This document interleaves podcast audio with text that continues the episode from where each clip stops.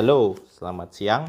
Kembali lagi bersama saya, Coach Anton, bersama Sekolah Investor dalam volume analisis jilid ke-6. Kita sudah banyak belajar tentang volume analisis, sudah 5 seri ya, tidak terasa. Nah, kali ini kita mau ke seri yang ke-6, mungkin ini jadi seri yang terakhir tentang kita akan bahas tentang supply and demand. Banyak hal tentang volume sudah kita pelajari, dari mulai convergen, divergen, zona buy, zona sell. Banyak hal yang sudah kita lakukan, banyak yang sudah kita analisa. Kita bisa lihat bagaimana volume benar-benar jadi satu faktor yang mempengaruhi harga. Dan ini yang harus kita selalu perhatikan. Jadi pada dasarnya untuk mendapat profit dibutuhkan pengetahuan tentang pertemuan supply dan demand yang disebut equilibrium atau keseimbangan. Kita tahu bahwa equilibrium dipenuhi oleh motif profit yang bisa kita baca dengan harga dan akan digerakkan oleh kekuatan volume. Kita melihat kalau volume besar itu akan mempengaruhi baik harga itu jadi turun atau harga itu jadi naik. Jadi hari ini kita akan belajar faktor ketiga yang disebut resistensi perubahan.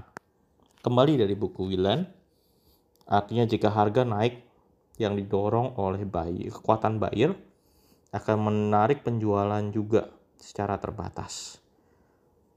Jadi kita lihat bahwa tidak hanya tidak tidak hanya faktor pembelian, tapi juga ada faktor penjualan.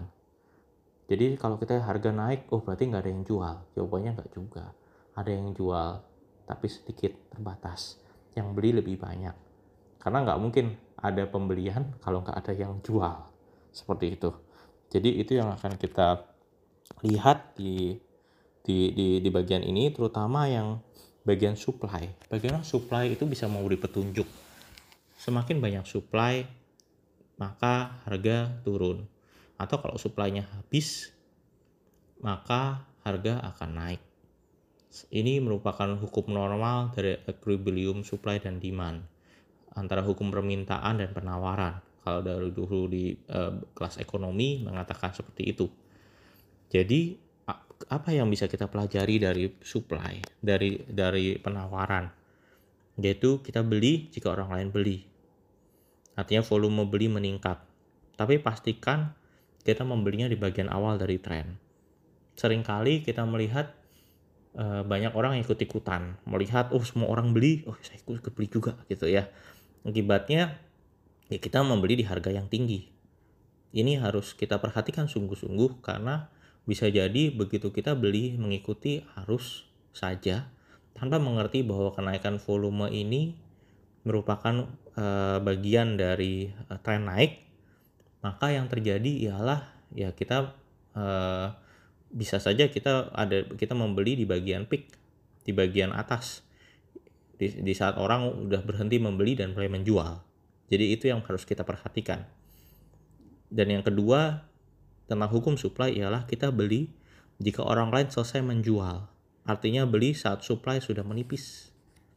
Artinya kita akan nanti kita akan coba pelajarin uh, di satu emiten gitu ya, di mana kita orang mulai membeli saat supply sudah menipis. Artinya saat harganya sudah sungguh-sungguh di bawah, saat banyak orang sudah mulai menjual, dan di situlah saatnya kita untuk membeli. Kita akan belajar nanti uh, kita uh, ada satu emiten yang menarik gitu ya dalam beberapa hari terakhir yaitu disebut AALI atau Astra Agro Lestari. Di situ kita akan belajar uh, kita akan soroti dua hari di mana terjadi penurunan batas supply di mana penurunan itu membuat harga menjadi turun. Artinya orang mulai banyak menjual sehingga supply-nya begitu banyak dan saat itulah uh, saat yang tepat untuk membeli sehingga langsung terjadi bounce back, uh, terjadi konversi yang cukup uh, tajam. Jadi kalau ingat kita itu retail investor, kita punya satu kekuatan. Kita sebagai uh, kembali lagi karena kita orang yang uh, punya dana terbatas, gitu sebagai retail investor kita punya at least empat kelebihan menurut Willen. Yang pertama, kita bisa selalu belajar dari uh, pembelian kita sebelumnya dan kita beli saat tren naik dimulai kita bisa lihat dari analisa Kapan kita mulai masuk? Karena kita retail, kita lebih mudah bergerak. Kalau istilahnya kita bukan dino, jadi kita bisa lebih fleksibel. Yang kedua, kita bisa beli dan jual dengan cepat. Kalau kita retail besar akan kelihatan tuh. Kalau kita pemain besar akan kelihatan pada waktu kita beli atau jual maka akan mempengaruhi harga. Tapi karena kita retail, pemain yang kecil, maka pembelian penjualan kita tidak akan begitu terlihat dan bisa uh, tidak begitu mempengaruhi. Dan kita ya satu kunci yang paling penting ialah konsen ke beberapa emiten saja. Ada banyak orang yang mulai dengan uh, banyak emiten, tidak ada uh, emiten yang dipilih. Satu kunci di sekolah investor yang saya pelajari ialah untuk memilih emiten tertentu. Artinya kita tidak memerhatikan semua emiten. Tidak mungkin kita punya mata yang banyak untuk melihat semua emiten di IHSG.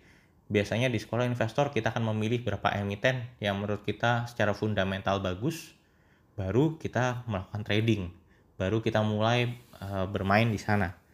Jadi kita contoh uh, ada satu emiten yang berapa hari ini jadi sorotan yaitu tentang CPO atau crude palm oil, yaitu emiten AALI kita bisa perhatikan bahwa tanggal 10 September AALI mengalami penurunan tajam dari 10.490 ke 9.830. Cukup tajam dan di situ kita bisa melihat analisis volume mengatakan bahwa peningkatan volume penjualan sangat besar di hari itu.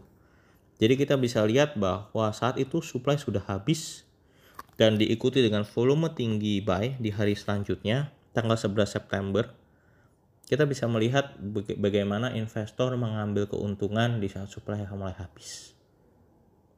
Dan seperti yang kita baca sebelumnya, ada zona buy dan zona sell, maka kita bisa lihat bahwa zona penjualan ini merupakan zona e, resisten yang kuat yang bisa kita pakai. Dan ini bisa kita pelajari juga penurunan ini terulang di tanggal 18 September, di mana ini juga diikuti dengan volume yang meningkat di hari setelahnya di tanggal 19.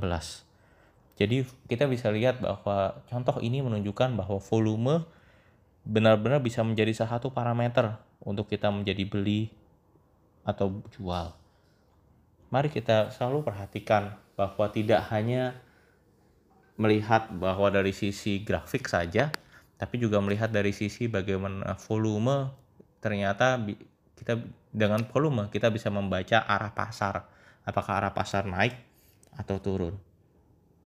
Jadi dari berapa hari ini, dari beberapa podcast volume, kita bisa mempelajari setidaknya empat hal. Yang pertama efektif volume, bagaimana kita bisa melihat pengaruh volume terhadap harga. Jadi kita bisa melihat juga active boundary, kita ingat di mana saat membeli dan saat menjual. Yang ketiga, kita juga mempelajari tentang efektif ratio, dan divergence analysis, bagaimana rasio bisa mempengaruhi harga.